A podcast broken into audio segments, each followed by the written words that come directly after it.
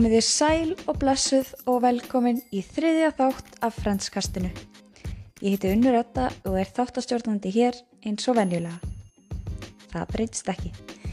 En ég vona að þið hafi haft það ofsalega fínt í vikunni og bara um helgina. Það er nú sömar maður verður að njóta.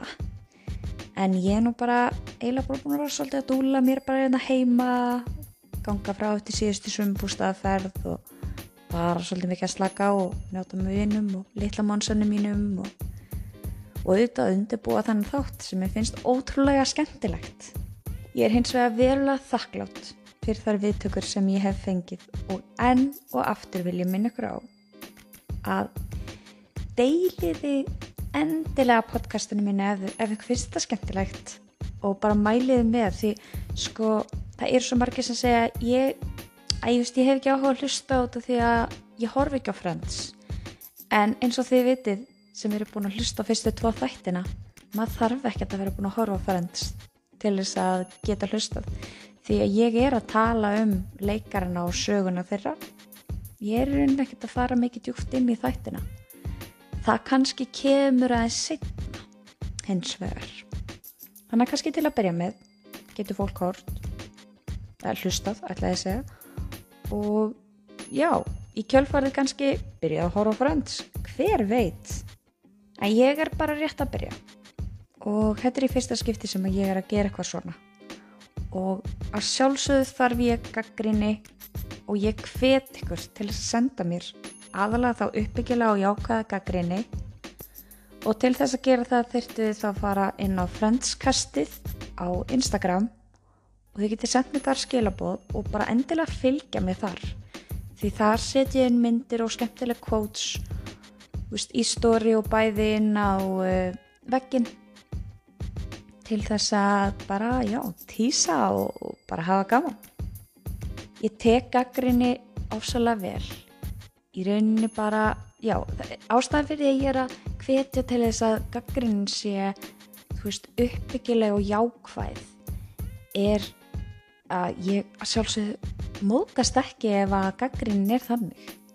En ef fólk segir bara oi, þú veist, mér ströttin ógeðslega leðileg og af hverju mismælur þið svona mikið? Eða eitthvað svona að sjálfsögðu geti unnið því að mismæla mig en þá er þetta orðað öðruvísi. Ef þið þólið ekki röttina mína þá, get, þá bara ratið út. Þið getið alveg ítt á pásu og bara unfollow bless. En bara just saying. En uh, ég hef sérst fengið gaggrinni á þú veist alls konar higg og, og eitthvað svona pásur sem geta komið stundum þegar ég er að tala. En þá er ég kannski bara að týna mér í vördskjælinu mínu og svo leiðis en þá bara vinn ég í því að, að hérna, vera meira meðvituð yfir því. Og ég mun bara 100% vinna í því sem ég veit að ég get unnið í Hins vegar hefur mér verið bent á að þættiði mínu séu aðeins og stuttir en það er þeir svona stittri kantinu með við svona helstu podcast. Um, fyrsti þátturum var 30 mínútur og uh, næsti eftir það var eitthvað um 43 ár þannig að náða bæta eitthvað um 13 mínútur við. Uh, ég mun að sjálfsögðu reyna en það er svo litið erfitt þegar ég er að tala um það sem ég er að tala um akkurat núna eins og feril leikarna út af því ég er bara að tala um ferilinn þanga til að þau fá hlutverkið í þáttunum. Og en eins og ég segi, ég mun reynir svo ég get að lengja um, bara bæta einhverju skemmtilegum staðrændu við og eitthvað svona. Þannig að já, ég er að reynir svo ég get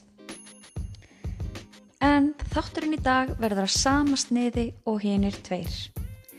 En í dag munum við tala um hann Matthew Perry, leikaran sem gerði gardinn frægan sem Chandler Muriel Bane.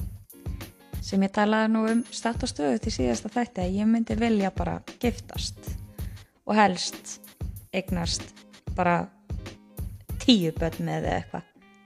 Nei, ok, kannski þrjú í mestarlegi en ég meina ekki geti átt hund með honum því hann er ju hrættu við hunda og sérstaklega kvolpa fyrir þá sem þekkjan En ég meina þá í þessu samingi sem Chandler. Ég veit ekkert hvort að Matthew Perry sér hrættu við hunda. En það er annar mál. En hér kemur sagan að ferli Matthew Perrys að frensverkefninu óulega eða stóra eða frábæra.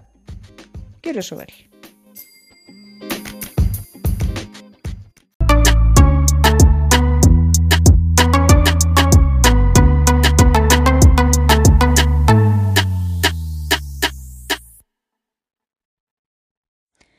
Matthew Langford Perry var fættur þann 19. ágúst árið 1969 í Williamstown, Massachusetts. Móður hans var Susan Marie Morrison og var kanadískur bladamaður á þeim tíma og var einu sinni fjölmiðlastjóri hjá sendiráðara Kanada á þeim tíma sem að Perry fæðist og fadir hans John Benet Perry var leikari og fyrirvarandi mótel. Ég veit ekki með ykkur en ég hlusta rosalega mikið á ílverks, uh, ílverk og morðkastið og svona alls konar kræmpodcast og horfi mikið á Dr. Phil og það er um eitt ein lítil stelpa sem var myrt sem heitir John Benet Ramsey. Þannig að þegar ég vissi að veist pappinar, pappans Matthew Perry heiti John Benet þá var ég bara svona What? En ok, bara smá dutur. En fyrir fyrsta ammælisdag Matthew skildu foreldrar hans og móður Susan flutti með són sinn til Ottawa, Ontario í Kanada og kynntist þar og giftist öðrum manni að nafni Keith Morrison sem var útarsvettamæður, mjög frægur. Hann því þekkti ekki annað en að eiga fóreldra sem eru með hann okkur þekkt nöfn í bransanum eða andlit, svo þetta hefur líklega verið í örlögum hans að verða þekktur einstaklingur að yngur leiti. Eða í örlögum, kannski segjum að betur skrifaði í skíin eða í stjörnurnar. Ja, það er til svo mikið sem eftir að segja. En að því sem ég best finn er að talaður um að Matthew hafi snemma fundið mikinn áhuga og þörf á því að stunda íþróttir og hafi á yngri úlingsárum verið mjög efnilegur í tennis. Spáð var snemma að hann erði atvinnumæður í þeirri grein og var Matthew með mikið keppniskap og þá meina ég mikið og metnaðurinn var bara sky high og bara allt sem hann laði sig fyrir hendur var bara ég ætla þángað og hann bara komst þángað bara já, hann má eiginlega líka á David svolítið saman með það. En ókosturinn við þennan dreng var því miður það að hann var rosalega öfundsjúkur út í þá sem að gengur betur að plöma sig í íþróttum eða einhverju sem hann vildi gera. Og það var eitt stráku sem hafa með í skólanum sem átti svolítið til með að taka framránum í gymnastics eða í íþróttatímum og eitthvað svona. Og það var engin annar en Justin Trudeau eða ég kann ekki sann nafnans Justin Trudeau svona, hann er sko Ontario í Kanada er sérsagt uh, frans, fransk nýlenda. Þannig að fjölskyldan hans hann er hálf franskur. Og þessi maður er í dag fyrir þá sem ekki vita, fórsætis ráðherra Kanada. Merkilegt nokk. Af hverju er ég að segja frá þessu? Já, því mér finnst þessi saga mjög áhugaverð. En Matthew Perry viðkendi það í viðtali árið 2017 að hann hafi öfundað Trudeau, Justin Trudeau, mikið fyrir hæfileika sína í sagt, íþróttunum og keppniskapið hans. Og sagt, þetta hafi bara verið honum ofviða á þessum tíma og hann var 12 ára eða eitthvað svo leiðis og hann sem sagt tekur Trudeau og bara lemur hann eitt daginn. Bara tekur hann í karpúsið og þú veist, hann var bara já, hérna Í dag er þetta fórsættisráð þeirra og ég lamdan einu sinni. Ég er ekki að segja þess að sögu því mér finnst þetta flott hjá hann að hafa lað með hann.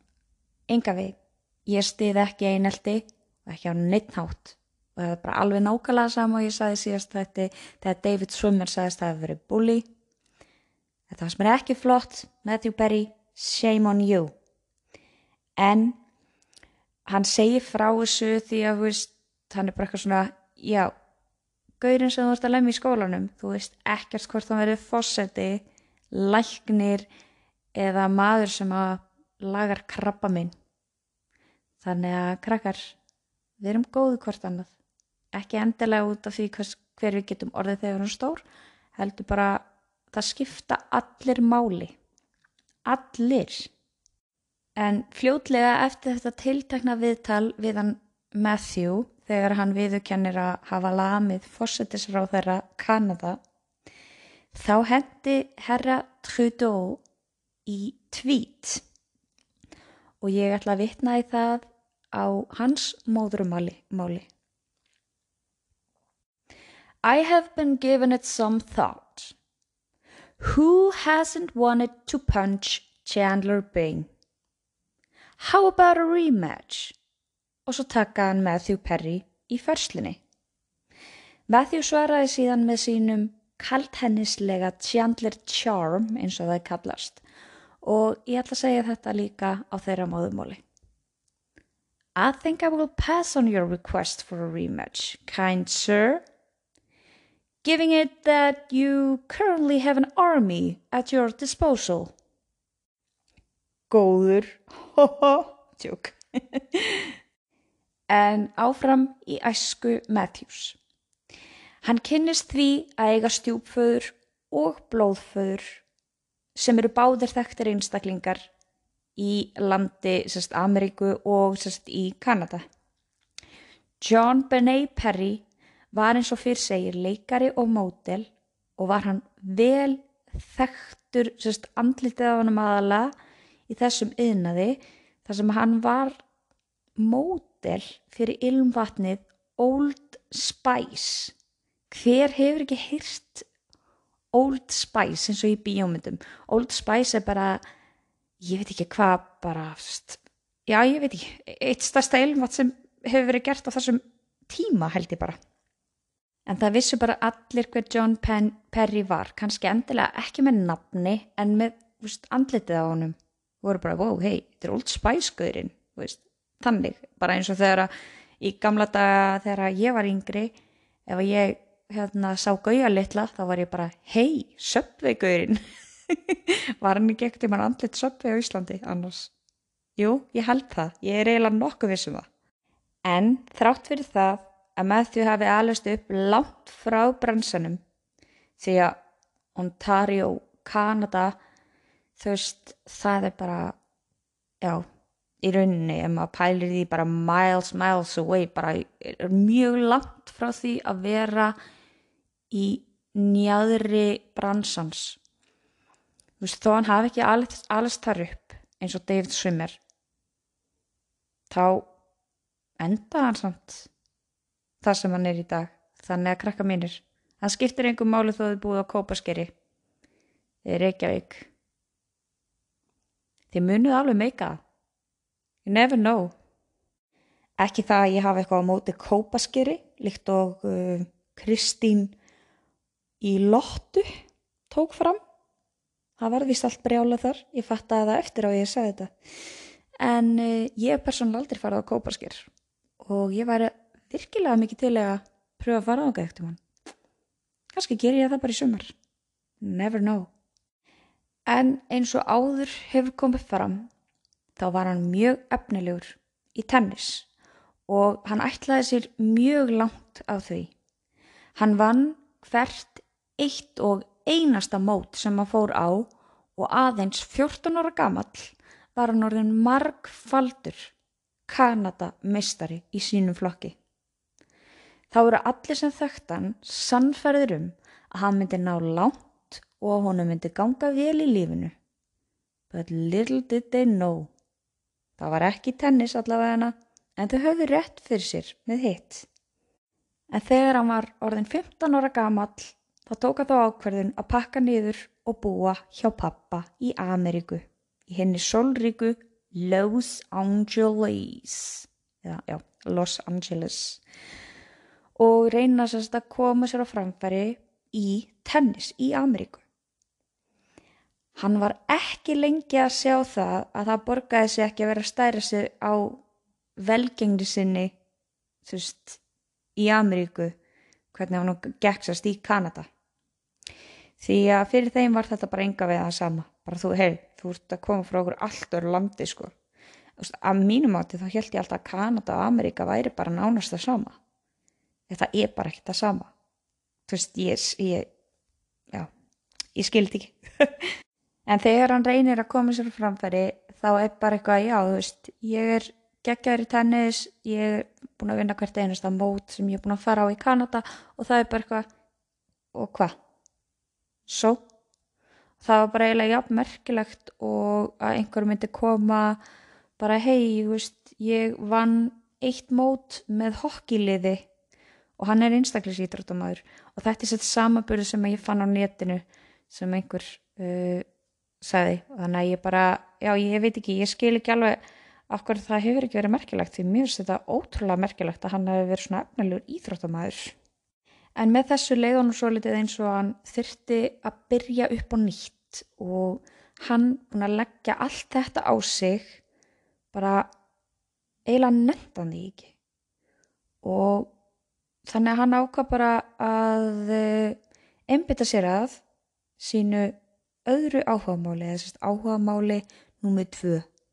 Og getið þið giska hvað það er? Já, leiklist. Að sjálfsögðu, sjokker þó hann hafi tekið þess ákvörðun að flytja til Ameríku til pappasins þá uh, ætla ég samt að taka fram. Og þeir sem að hafa horta frends getur ekki tengt svolítið við þetta. Er að hann skammaði sín rosalega mikið fyrir pappa hann gerir það líka í frends eða hann elsku tjandlir okkar um, að því að pappans var bara oljuborun kroppur á hverju einasta ullýsingaskildi í borginni og alls það er í kring og hann sagði einu sinni I would never bring a girl home because all the girls would just go, Who's that guy? Mm, that's my dad. Okay, when your guy's done, I'll be in therapy. Oi! Oi! Ekki var pappas að fara upp á pýr sem að 15 ára sonur hans var að koma með heim. God damn dude! Það er nasty og ólulegt, er það ekki? Eða, oh my god, ok, you do you and, oi, oi. En ef þið skildið ekki setninguna sem ég segði, þá sagði hann, þú veist, ég vildi aldrei koma með stelpu heim, að því alla stelpuna voru alltaf, ú, hver er þessi gaur? Uh, þetta er pappi. Og svo bara sér hann stelpuna bara svona lappa, bara hei, slefið yfir honum og bara, Ok, þið eru búinar, ég verð í meðferð, sálfræði meðferð, sjáumst. Ótrúlega ekki mikið næs. En guð minn góður, ég ákvaða að googla pappans með því peri og ég sé að ég kannast alveg svolítið við hann. Hann er sagt, örlítið hlutverk í einum, já ég krakk meinir bara einum frendstætti og ég held að sé kannski svona mínúta en samt mind blowing en fyrir þá sem eru mjög mjög fróður um þættina þá er þetta sagt, uh, er hans að leika pappa Joshua Joshua sem Rachel verður skotin í þegar þau fara sagt, í íbú fóreldrans í mat, borðar check it out. En ég sé samt, í rauninni ekkert þennan kaur sem er eitthvað ómótstæðilega sexy. En það er bara mín skoðun. Það endur speiklar ekki maður þjóðarinnar en já, nú er Matthew Perry fluttur til Los Angeles og uh, hann fer sérst í mentaskóla sem heitir The Buckley School in, sérst, í Sherman Oaks í Kaliforníu sem er bara svona hálgert svo útkverfi í Los Angeles. Þrátt fyrir að hann var mikill íþróttamæður og, og eins og kemur eins og ég er búin að koma inn á þá veist, hafði það ótrúlega lítið gildi í Kaliforníu. Þannig að veist, hann ákvað bara að einbeta sér að þessu áhugamáli nummið tvö eins og ég sagði hann og uh, á meðan hann var í skólanum þá var hann svolítið statt og stöðugt að uh, vera í svona litlum leikfélögum og fór í improv tíma í, í leikursum fyrir þá sem veit ekki hvað improv er þá er það í raun spunaleikús og þar sem að leikarar og listamenninni fá svolítið að blómstra mikið og bara skapa svolítið sína eigin ímynd En Matthew kláraði skólan án hnögra árið 1987 en þá var Matthew 18 ára gammal. En vitiði hvað gerðist annað árið 1987? Johnny Logan vann fyrir hönd Írlands í Eurovision með lægið Hold Me Now.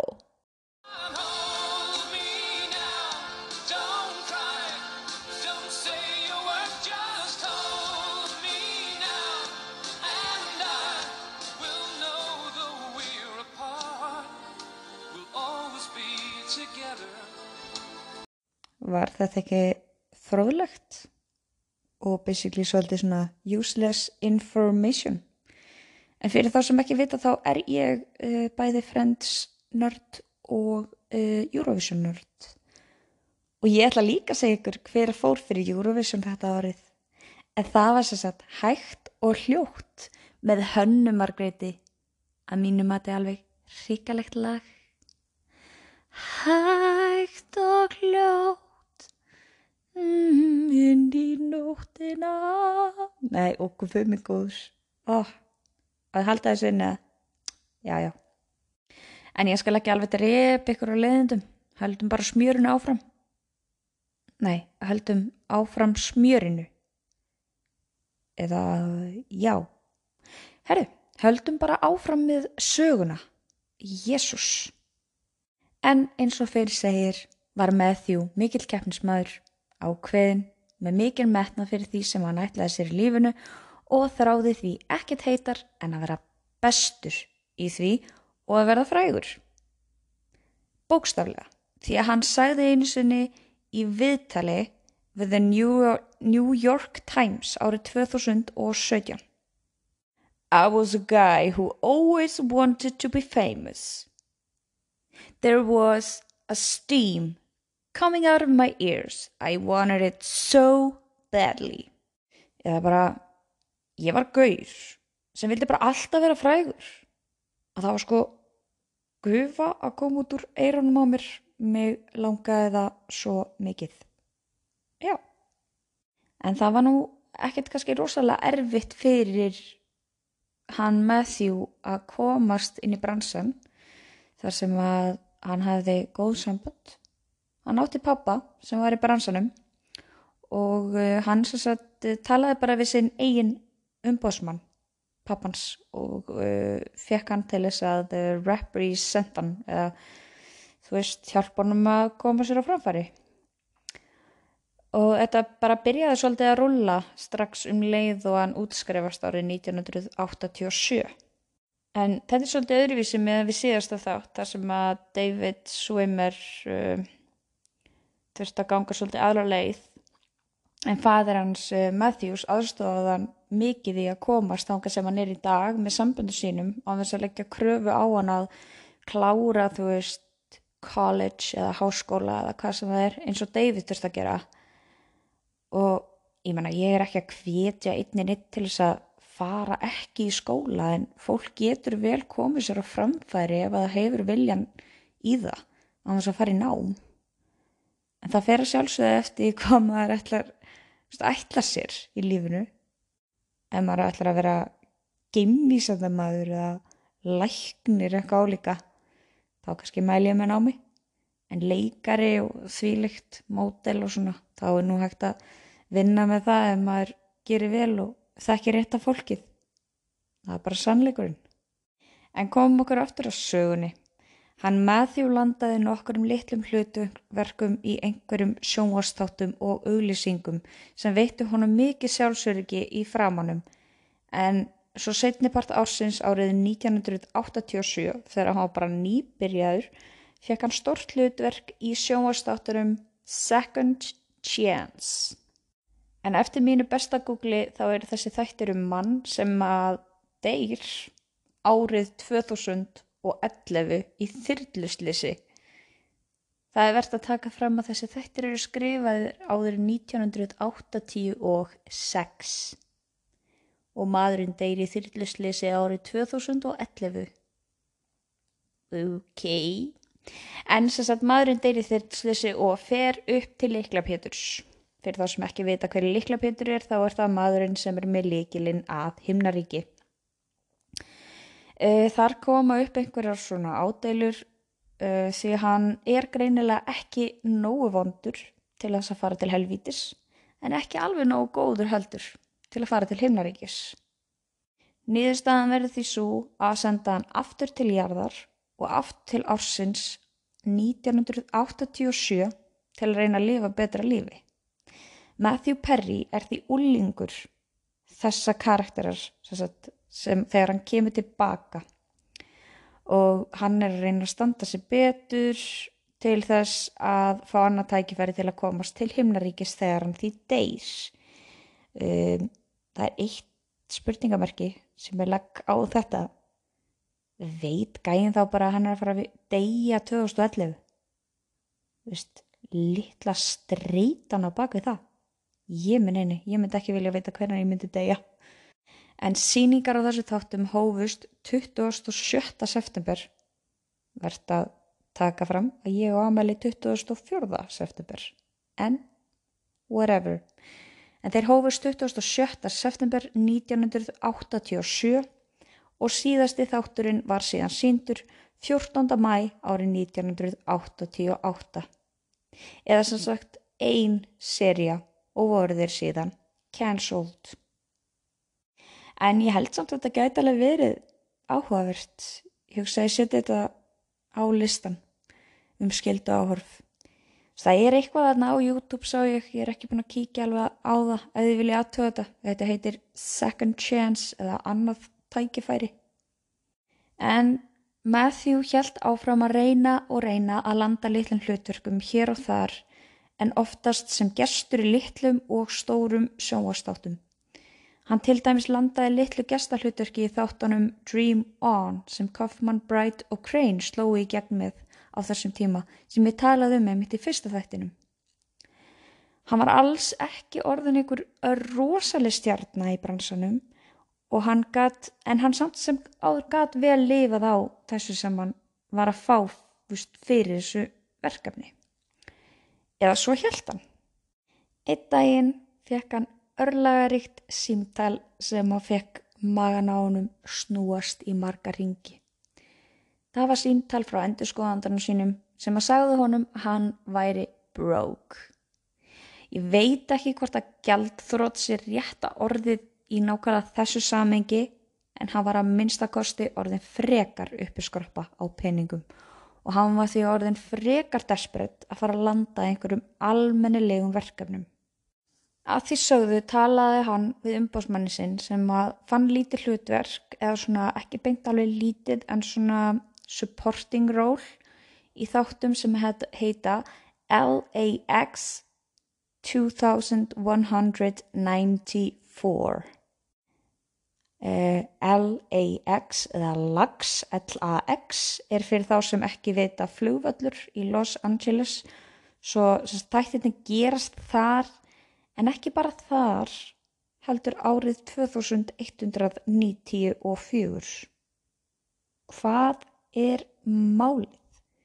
Fyrst að second chance skrifað reynda bara fyrsti þátturinn vendarlega gerst 2011 og þarna fara þeir mörg hundruð árum fram í tíman what's going on en þetta er greinilega eitthvað þeng að búa til sjóasefni sem er um framtíðina. Ég meina back to the future og svona kemur á svipu tíma er það ekki? En uh, hann var sérst að fara að leika svona eins og töskustrák eða svona einhvers sem, sem að hjálpar svona með töskunar á færibandinu. Og þættirni voru aðalega um svona flugvalla starfsmenn. Í þessum þáttum áttu sem sagt að eh, vera sagt svona little people eða þeir kalluðu það little people á þessum tíma en það voru dvergar. Og þeir áttu að vera að leika geimverur.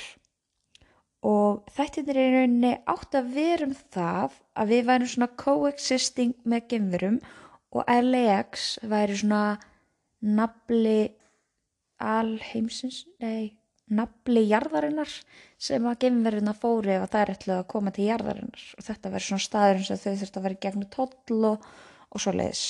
Ég er samt bara virkilega amazed yfir þessum hugmyndum sem ég er að lesa að sjónvastáttum sem að bara meikuðu það eiginlega ekkert. Hvað er fólk að reykja þegar það fær svona hugmyndir? Ég meina, ok, J.K. Rowling með Harry Potter. What? Hvernig er þetta hægt? Lord of the Rings. Ha?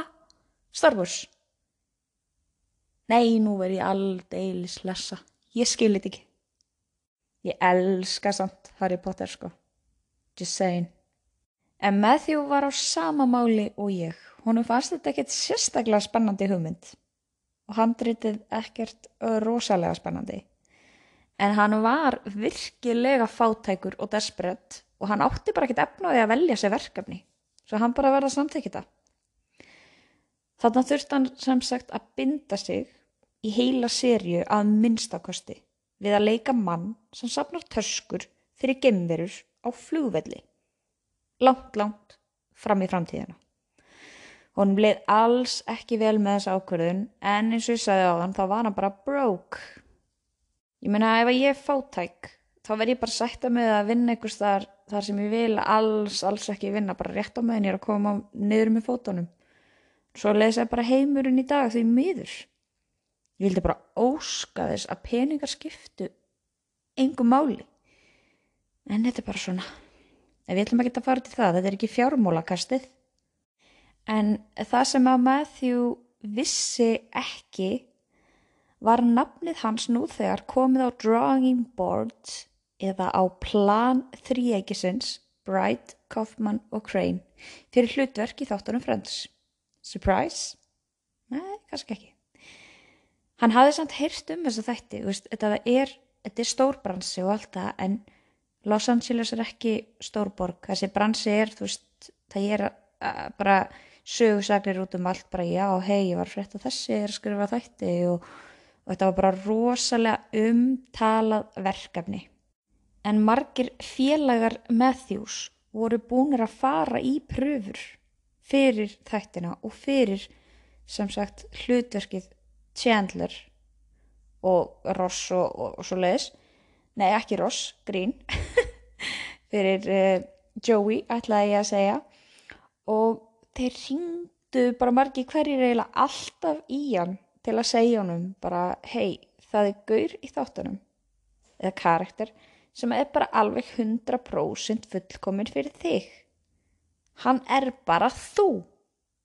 Come on. En þá vissu þeir ekki að sjálfsögðu að eh, Matthew Perry hafi verið svolítið svona, þú veist, ít á topplistanum hjá eh, framkvæmdum, framkvæmdar framleiðendum af sækið. En samt sem við verðum að uh, taka fram að Chandler Bing var ekki skrifaður sérstaklega með Matthew Perry í huga eins og fyrir David. En meða við hversu líkur Chandler er Matthew þá væri það frekar líklæra þú veist ég að Chandler er Matthew og Matthew er Chandler en það er ekki sama og með David Swimmer það er bara David Swimmer bara svo góðu leikari og uh, þeim fannst hann bara svo fullkominn í þetta hlutverk. En þetta segir okkur svo sem að Chandler er til í alvörunni og ég vil giftast honum þannig að maðurinn minn þarf kannski bara að fara að passa sig að ég far ekki til Ameríku. Nei, ég segi bara svona. Hann er samt 20 ára meldur en ég. Dekk, pass, takk fyrir mig. Ég er ekki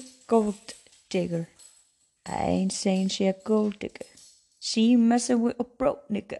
Yeah, yeah. Ætli Kanye West verði fórseti bandaríkjana næst og rústi Trump. Hann er að sapna undirskriftum. Hver ætlar að gjósa? Ekki ég. En, já, Chandler er sérstætt kaltæðin. Hann er algjör húmórusti sem forðast allt konflikt með öðru, öðru fólki og hann í rauninni svona varnartaktikinn hans var húmor og hann átti erfitt með að vera alvar, alvarlegur sem greinilega og það var einstakleikur sem greinilega þurfti ykkur að sálfræði meðferð til þess að díla við vandamólu sín. Og Matthew hugsaði með sér og þetta er hans orð því nota ég móðumálið eins og ég er alltaf að minnast á.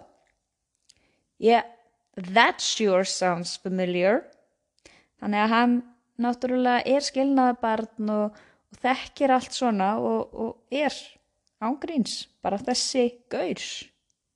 Kaufman, Crane og Bright voru á sömu skoðun með Perry. Þau myndu allt í einu eftir honu þegar hann leg sem smá gestur í Dream On og þá dætt þeim í hug að reyna að fá hann í pröfu. En það sem stoppaði þau var, eins og ég sagði, að þessi bransi er lítill og allir heyra allt um alla að þau hefðu heyrt að hann var í búin að koma sér í þessa LAX þætti og það eru því vesen þar sem þeir áttu að vera í tökum á sama tíma. Mér skilst á að ef maður fær eitthvað ekstort hluturki sjónvastætti þá má maður raun ekki skuldbunda sig við annað eða það er að minnst okkar mjög erfitt. Sérstaklega þegar búið að skrifa undir bara heila pilot seri eins og hann sérst var búin að gera eða einn seria. Eða fyrsta seria meina ég, ekki einn seria en fyrsta. En jú, að vissulegndi einn, en svo fyrsta er alltaf pilot seria. En það getur skapað einhver vandamál eða konflikt að sami leikarin sé kannski í tveim eh, þáttaserjum sem síndir á svipun tíma en þarna er talað um eitthvað svona second position. Ég skil þetta svona eins og svona að það þýði að þau vilji bara eitthvað sem er bara svona 100% inn í þeirra verkefni og það getur þú veist rugglað bæði neytanda og áhorfanda þáttana og líka bara skarað á tökudögum og bara getur kosta mikla peninga fyrir um, bara stúdíóinn og, og svo leiðis Þannig að þau neittust svolítið til þess að líta fram hjá honum. Þau voru bara ok, veist, þetta er svolítið lost case. Þannig er bara búin að skrifa undir annað og við vorum bara á sæn. Og uh, en þau hugsuðu samt svo sem með sér að tjandlar er ekkit erfitt hlutverk til að finna eitthvað ný. Þegar þú veist, í handreitinu er svo mikið sem segir um karakterinn. Svo sem að teku við hlutverkjunu þurfti bara að vera góðu leikari og þú veist, allir brandararnir og lýsingarnar á honum og allt bara, þú veist, þetta á bara að vera ótrúlega auðvöld að vinna með með rétta einstaklingnum. En eftir að töyir einstaklinga hafðu farið í pröfu, hafðu þau samt ekki ennþá fundið réttan í hlutverkið. Þeim leið bara aldrei, bara hei, þessi er nálagt því, þau voru bara, eða, eða, farðu, eða, thank you, next, bara. Um, en með því og sem sagt aðstofaði samt nokkra af þessum einstaklingum e, fyrir pröfunar til að auka líkuna þeirra á að fá hlutverkið. En það er það sem eitthvað sem að þrý ekki vissi ekki þá en þau voru aldrei fyllilega ánað með þær pröfur sem þau fengu hendurnar. Matthew var á þessum tíma búin að fá nóg af þessum vinum sínum sem voru að leita til sín út af því að þetta var augljóslega hlutverk sem að hann átti skuldlust í. Svo hann byrjaði að ringja statt og stöðut í umbásmannsinn þar sem hann grátt baðan um að retta sér pröfu fyrir frendstættina. Þó hann væri eins og kallað er second position. Hann sá virkilega eftir því á þessari stundu að hafa skrifað undir þessa LAX 2194 þáttunum því hann gati ekki séð betur en að þessir eru miklu betri. Hann lofaði að standa sig og gefa sig 200% í bæði verkefnin. Hann ringdi margóft því að umbyn var hreinlega ekki sammála á þessari ákverðun. Hann var eiginlega að segja við hann að þetta væri career suicide. En þetta er samt mögulegt en því miður er þetta eitthvað sem hefur verið þekkt sem að þú veist í rauninni grefur bara frama leikarans í sandin út af því að þau eru bara brennaðu út og, og eru bara að gera hreinlega allt og mikið. En að sjálfsögðu gafst okkar maður ekki upp og uh, hann ætlaði sér. Um, hann vissi að sjálfsögðu að hann, hann hafi komið til greina því að eins og ég segi þetta er bara eins og lítill smábær og það vita allir allt um alla og hann var búin að lesa handritið nokkur sinnum yfir með vinnum sínum og hann virkilega fann sig þarna. Personan kom svo náttúrulega upp að honum fannst bara hálf ónáttúrulegt að leika eitthvað annað en Chandler. Um, en hann hefði þá kannski þurft að gera riftingu á samningu sem að hefði getað rústa ferlinum hans á þriði viku í Chandler pröfunum var loksins komin einhver til greina sem væri flottur eða svona næstum því allt í lægi í hlutverkið.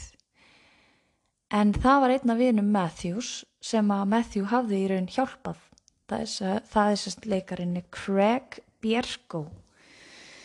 Uh, já, ég raun hef aldrei heyrst þetta nafn áður en þegar ég googlaðan þá fattaði ég já, ég hef séðan áður. En Craig Bjergo er þekktur fyrir að leika í The 13 Floor sem er bíómynd Along Kiss Goodnight og Scary Movie 4 og svo hefur hann verið lítill gestaleikari í þáttunum eins og uh, Law and Order Special Victims Unit, Sex and the City og svo að fleira sé nefnt. En ég sé einnig að hann er fættur 18. ágúst.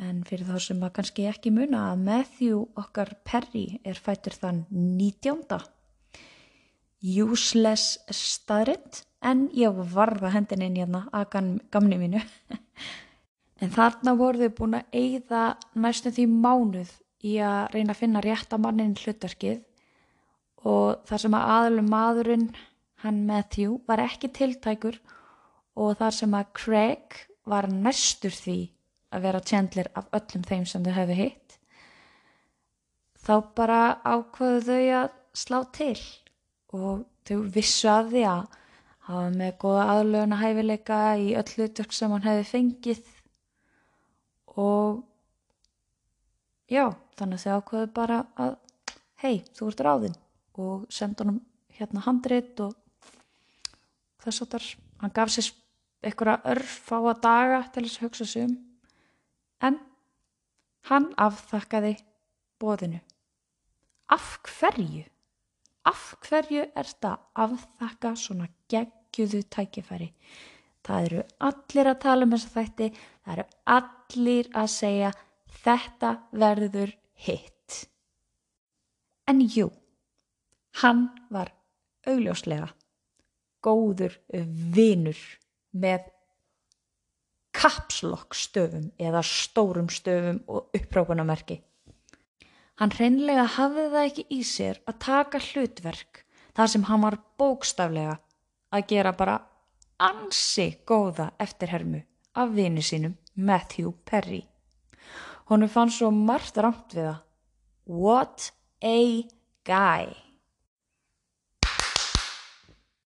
Ég á sána með þetta, ég ákvaði að henda í Friends klappið og læti fyrir þessum Craig Awesome Guy. En nú að vinur hans frá og hann vissi það, hann Matthew, og hann tók þá ráð að bókstaflega nöldra og grenja það út úr þeim að leifa honum að koma í pröfu. Bara please, give me a chance. Hann var uppáþrengjandi og ótrúlega ákveðin. Hann langaði virkilega bara í þetta tiltekna hlutverk. Hann var tilbúin afsala sér öllu hann var bara svo vá þú veist bara þegar ég uh, lesi mig um þetta og hlustu um þetta það er bara hann þetta hljóma bara eins og hann hefði bara verið eins og lítið bann að bara væla eftir sleikjó eða úlingur að væla eftir bara nýjum síma. Það er bara allir nýjan iPhone. En þú veist ok, ef þú getur verið upp á drengjandi og kanta sögða rétt eftir réttur hlutunum do it. En loksins einn daginn ringdi umbósmaður hans og sagði honum að hann væri komin með pröfu. Og þegar hann skellti á þá vissi hann innra með sér að lífið hans yrði aldrei aftur eins Hann sagði að þessi tilfinning hafi aldrei komið áður eða aftur eftir þetta augnablík. Bara ógislega merkilegt, þú veist, hann bara, hún líður eins og bara lífið hans er að fara að breytast og hann er búin að fá fullt af hlutverkum eftir þetta og var búin að fá fullt af hlutverkum fyrir þetta en á þessu augnablíki hann hefur aldrei fengið þessu tilfinningu áður. Hann vissi að þetta væri bara turning point í lífin hans. Ég fæ bara ángreins, bara gæsa húð að hugsa um þetta en hefði actually bara vitað að þetta er bara, já, hans tækifæri í lífinu. Og þegar þetta gerist þá ég bara verða fimm ára og er bara viða fyririldi og bara græsleik út í gardi og eitthvað. Ah, amazing. En á miðvöggudegi fyrir hann í pröfu fyrir Kaufmann og Crane, fymtudegi fyrir Warner Brothers og svo á förstu degi fyrir NBC, litla kerslan. En eins og Kaufmann orðaði það á hennar móðumóli, This was a done deal for the first line. He came in and that was it. Svo það var svolítið svona eins og You had me at hello eins og bíómyndinni Jerry Maguire. En þá hann var í skuldbundin annar staðar þá var hann heldur betur þess virði til þess að vinna með hugsuðu þau og að taka áhættuna á því að sko fyrir þeim var hann jú bara hinn eini sanni Chandler Bing sem þau höfðu leitað að í mánuð. Á mánudegi eftir þetta var hann bara mættið til vinnu og hann var officially orðin Chandler Bing. Ég veit í raun ekki, þú veist, hvað gerist með þessa LAX þætti en ég vona að það böggar ykkur ekkert rosalega mikið. En uh, ég er alveg vissum að hann hafi geta borgað uh, the legal bills fyrir það. Ég efast ekki um það, þá því að hann er moldaður í dag allavega fyrir þessa ákverðun, þannig að, já. En þetta var sagan af Matthew Perry. Svo frábær einstaklingur að mínu mati og ég bara dyrkan og, og sérstaklega eftir að ég hef búin að lesa mér svona mikið til um hann. En eins og margir vita að í dag á hann í miklum fíknivanda að stríða og andlegum veikindum og það er bara alls ekkert djók. Ég elska þennan einstakling, þú veist, ekki persónulega auðvitað, ég tekja hann ekki en þú veist, mér finnst svo, virkar svo ótrúlega frábær og skemmtilegur og ég óska honum alls hins besta og bara til allra allra í heiminum og sérstaklega þeirra sem eru að díla við erfiða hluti. Bara alltaf leita hjálpar eins og þið getið og taki með þjú til fyrirmyndar. Ekki gefast upp, bara væla og gráðbyðja ef það er eitthvað sem ykkur vantar eða viljið. Nema þessi að sögja í mömmu og pappa um láni eða síma. Shhh ekkert svo leiðis, það er hattarslegt ég er alveg að meina ef ykkur dreymir eitthvað að, að veist, hafa það staðfast í höstum á okkur og, og líta bara á litlu sigræna í lífinu. Ekki horfa á hindrannar horfið á litlu sigræna sem þið getið komist yfir og veist, já bara reynið að lifa lífinu eftir bestu getu En ég ætla að henda inn einni staðrind svona í lokinu mann með Þjó Perri í hlutverki Chandlers. Þá var það hann sem að byrjaði með, og þetta er kannski þá fyrir svona hörðustu frends aðdandur, þetta Could I be wearing any more clothes? Eitthvað svona og já, það var hókesslega lélegt hjá mér. en sem sagt einu sinni þetta við Þess að hann sagði þetta um kennara sinni í grunnskóla. Þegar hann var bara krakki og sagði Could he be more boring? og þeim fannst þetta svo fyndið vinum hans í kringum hans og, og, og þá bara greipan bara þetta term og bara byrjaði að nota þetta í daglegu lífi og þetta er svolítið svona kjarni karaktersins Chandler. Út af því að það er alltaf bara svona could I be wearing any more clothes? Could she be more are my league en Jesus þessi maður sko mér finnst það svo að fyndin ég er stundin bara að horfa á bloopers þætti með Friends og þetta er bara hilarious. Bara það sem hún bettur í hug. Ég veit ekki hvort þetta getur verið að fyndi fyrir þá sem þekk ekki þættina vel þessi bloopers en þið getið aðtöða það bara Friends bloopers á YouTube. En ég er náttúrulega þekki ekkert annað en að þekka þættina vel því miður. En áður en í hveð þá ætla ég að leiða ykkur að heyra nokkur hljóðbrot úr eh, eitthvað af mínum uppáhalds Chandler quotes Donald Duck never wore pants. But whenever he's getting out of the shower, he always puts a towel around his waist. I mean, what is that about? Shut up. The camera adds 10 pounds. Uh, so how many cameras are actually on you? Um, I'm getting a Lily. For my mom, because her name is Lily. Wow, that's lucky. What if her name was Big Ugly Splotch? Janice? Janice? Oh my God. Hey, it's Glennis. Oh, liked what she saw, huh? Dug my action, did she? Checking out the chain chain man. It's gonna be okay. Does I have to go to the new house right away or do you have some time?